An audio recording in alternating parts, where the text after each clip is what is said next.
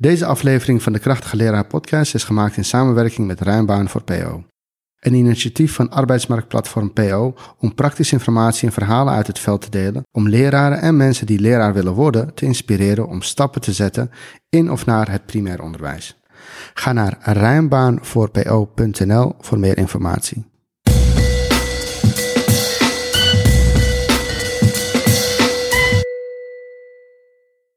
Welkom bij de Krachtige Leraar Podcast, de podcast die leraren helpt hun superkrachten te ontwikkelen. Ik ben meester Mohamed. En ik ben Jufzena. En vandaag hebben wij Nadia Bouambrani geïnterviewd. Onze tweede interviewee uh, in uh, de serie uh, podcast voor Rijnbaan voor PO. Yes. En nou, net als Jesse gaat Nadia vertellen over haar ervaringen in het basisonderwijs en met de studie die zij heeft gevolgd. Inderdaad. We hopen dat je er veel luisterplezier aan zult beleven. Tot zo!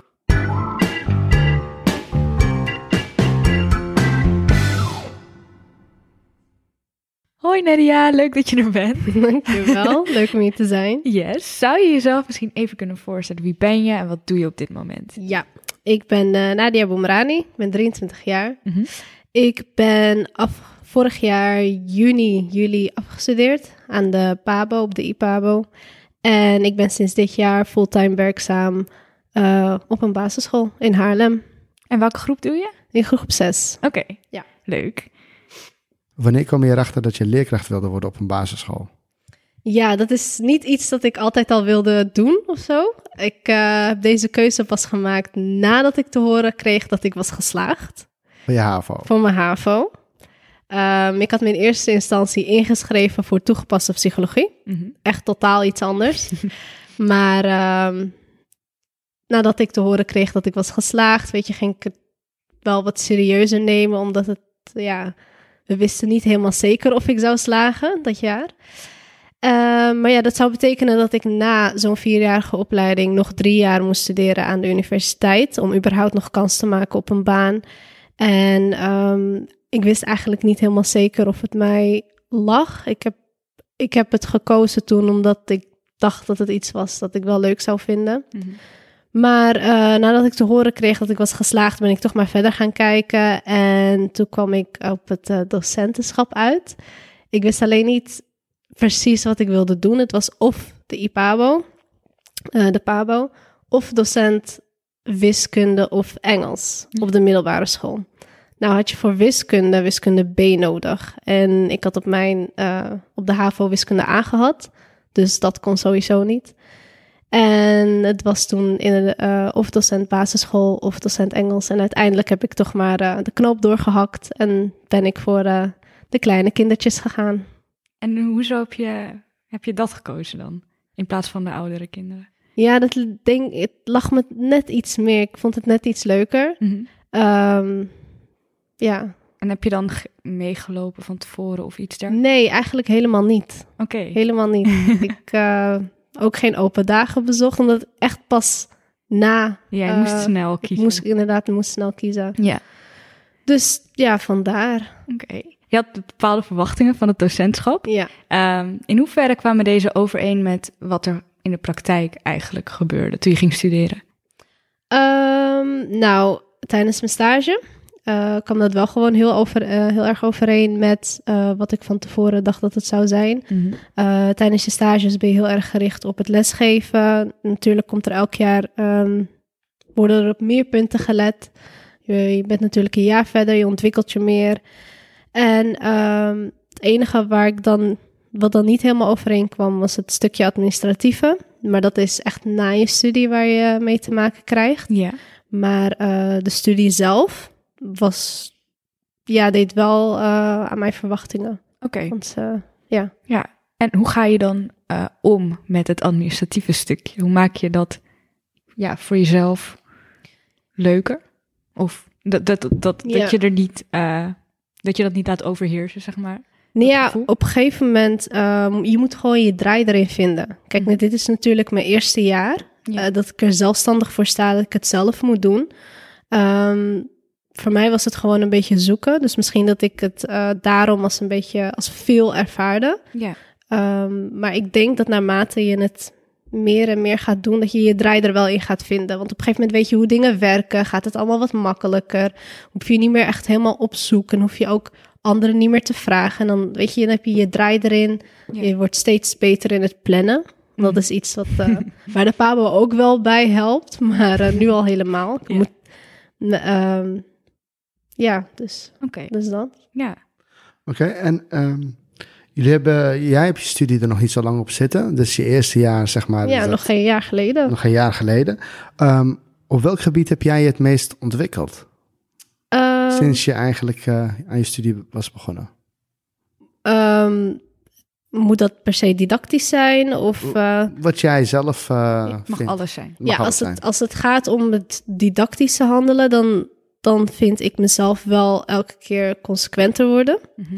In het begin, uh, aan het begin was ik uh, ja, heel erg van het, uh, oké, ik vind het belangrijk dat je die band met de kinderen hebt. Dus het is ook belangrijk dat ze je mogen. En dan moet je niet al te streng zijn. Een valkuil. Ja, dat was echt een valkuil. Dat heb ik een paar keer uh, mogen proeven.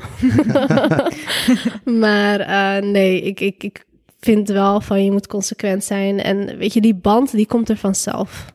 En dat is waarvan ik vind dat ik me het meest heb ontwikkeld. En daarbuiten vind ik ook, heb ik net ook benoemd, het plannen. Ik ja. was geen planner van mezelf. Ik um, was gewend om dingen ook gewoon, weet je, last minute te doen. Mm -hmm. Maar dat kan nu gewoon niet. Nee, nu is het niet meer alleen voor jezelf, maar nu, ook voor precies, alle kinderen en Eerst collega's. was het gewoon echt voor mezelf. Ja. Weet je, uh, haal ik het niet of red ik het niet op tijd, dan heb ik alleen mezelf ermee. Mm -hmm. Nu heb je 21, nou ja, hangt vanaf hoe groot je klas is, maar 21 andere kinderen die uh, ja, niet de dupe ervan zijn, maar die niet verder kunnen werken aan waar ze op uitvallen of wat dan ook. Nee, precies. Dus uh, ja, daar begin ik ook steeds beter in te worden. Nou, dat is goed. Heel Tot goed mijn om te verbazing, ja. Ja. Ja, ik denk dat, dat uh, mensen heel vaak denken van je moet als, uh, als je pas begint aan de opleiding, moet het allemaal in één keer goed. Nee, maar dat is iets dat ook gewoon tegen mij is gezegd. Je bent een eerstejaars, je staat voor het eerst voor de klas. Dus daar hebben ze wel begrip voor bij mij. ja. Um, dat is wel fijn. Ja, dus ze verwachten niet gelijk dus dat je alles in één keer kan. Ja, nee. En dat het ook perfect gaat of wat dan ook. Uh, ik heb altijd andere collega's waar ik uh, bij terecht kan. Ja. Dus uh, dat is wel fijn. Mm -hmm. En hoe, hoe, ervaar je het om nu, nou we hebben het net al gehoord, om nu zelfstandig voor de klas te staan? Ja, het is wel uh, anders. Ja. Was voor mij heel erg wennen. Mm -hmm. Vorig jaar bijvoorbeeld, of afgelopen vier jaar, um, had ik altijd iemand anders waarop ik kon leunen. Ja.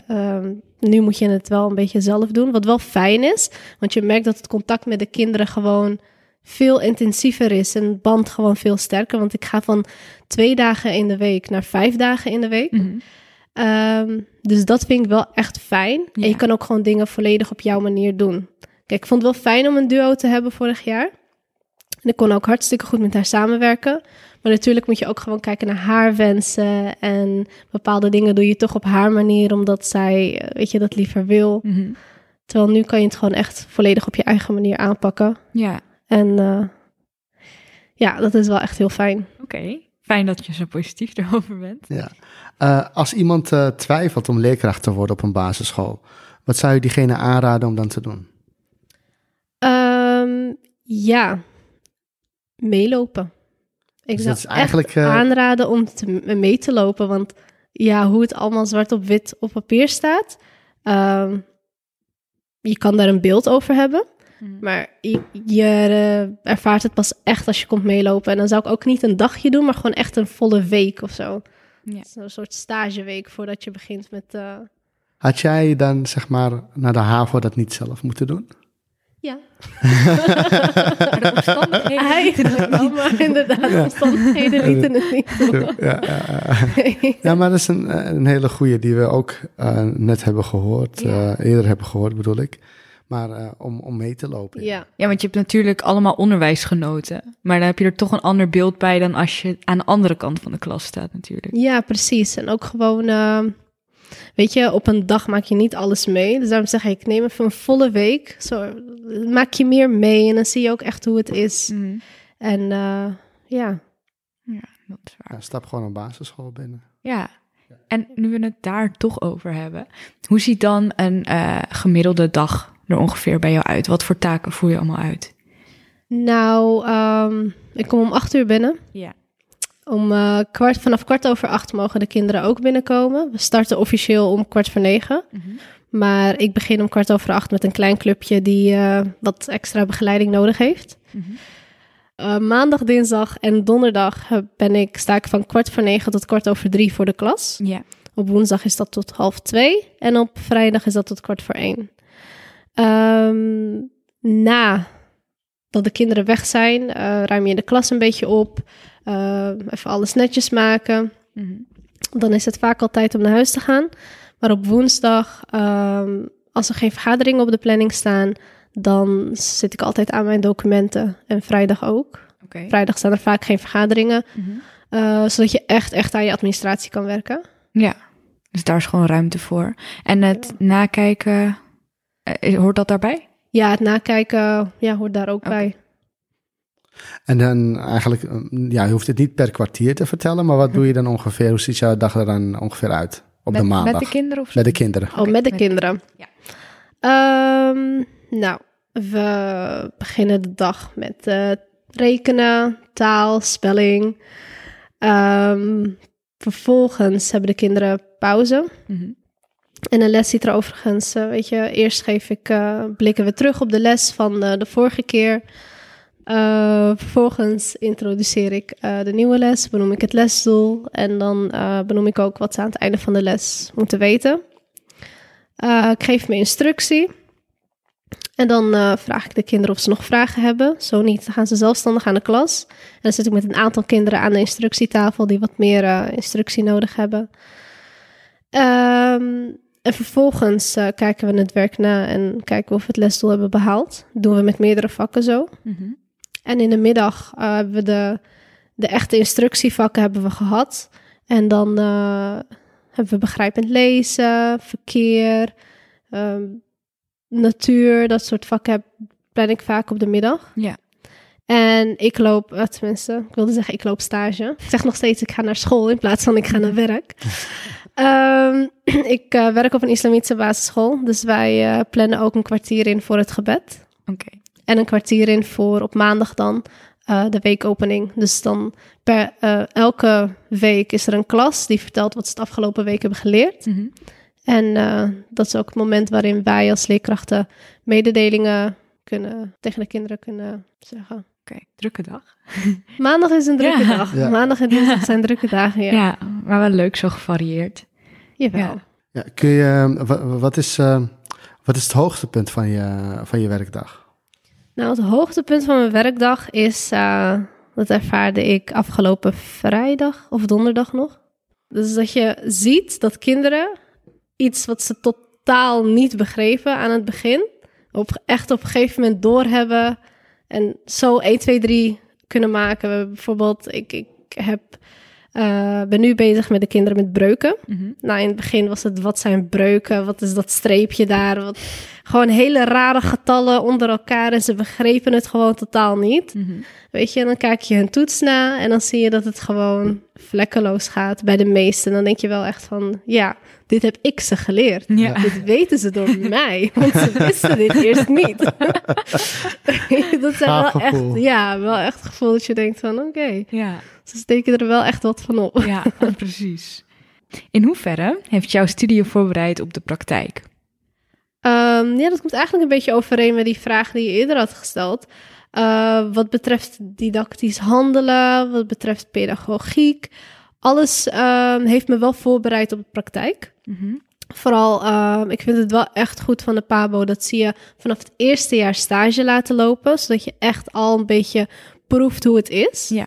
En ik vind het ook heel goed dat ze je stage laten lopen in elke bouw. Mm -hmm. um, dus wat dat betreft heeft het wel echt, weet je, wist ik wel wat ik kon verwachten. Ja. Het is alleen, uh, ja, wat ik zei, dat administratieve, dat ik niet echt helemaal zag aankomen. Maar ja, daar ga je ook echt je draai in vinden. Ja. Um, ja. Dat is best wel goed eigenlijk. Ja, eigenlijk ja. wel. Oké. Okay. Jawel. Ja, top. Um, nou, we willen je heel erg bedanken voor, uh, voor die komst. Ja, jullie ook bedankt voor de uitnodiging. bedankt Nadia. Ja. ja, jullie ook bedankt.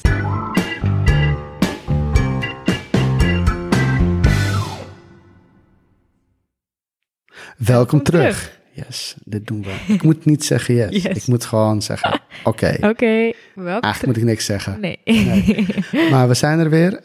Um, ik vond het een heel leuk interview. Ik zag veel uh, gelijkenissen met uh, het vorige interview. Ja, van, uh, en ze hebben niet overlegd. Ze hebben niet overlegd. Ze kennen elkaar nog niet Ze kennen elkaar niet eens. Ja, okay. Het is gewoon blijkbaar een patroon dat, dat leerkrachten het over het algemeen fijn vinden om leerlingen iets bij te brengen. Ja, dus als dat iets is waar jij voldoening uithaalt, dan, dan is... moet je misschien even tien keer nadenken of het misschien... Wat voor jou is. Ja. Ja. En uh, dat kun je dus ook al zien in kleine dingetjes. Dus als je je broertje of zusje of nichtje of neefje of wat dan ook uh, even wat uitlegt en je denkt van, oh, de, diegene snapt het en er gaat bij jou wat branden. Nou, dan is misschien toch het leraarschap wat voor jou. Wat voor jou, inderdaad. Ja. ja. voor meer informatie ga naar ruimbaanvoorpo.nl en de volgende aflevering die komt er ook alweer aan. Yes. Tot dan. Tot dan. Doeg.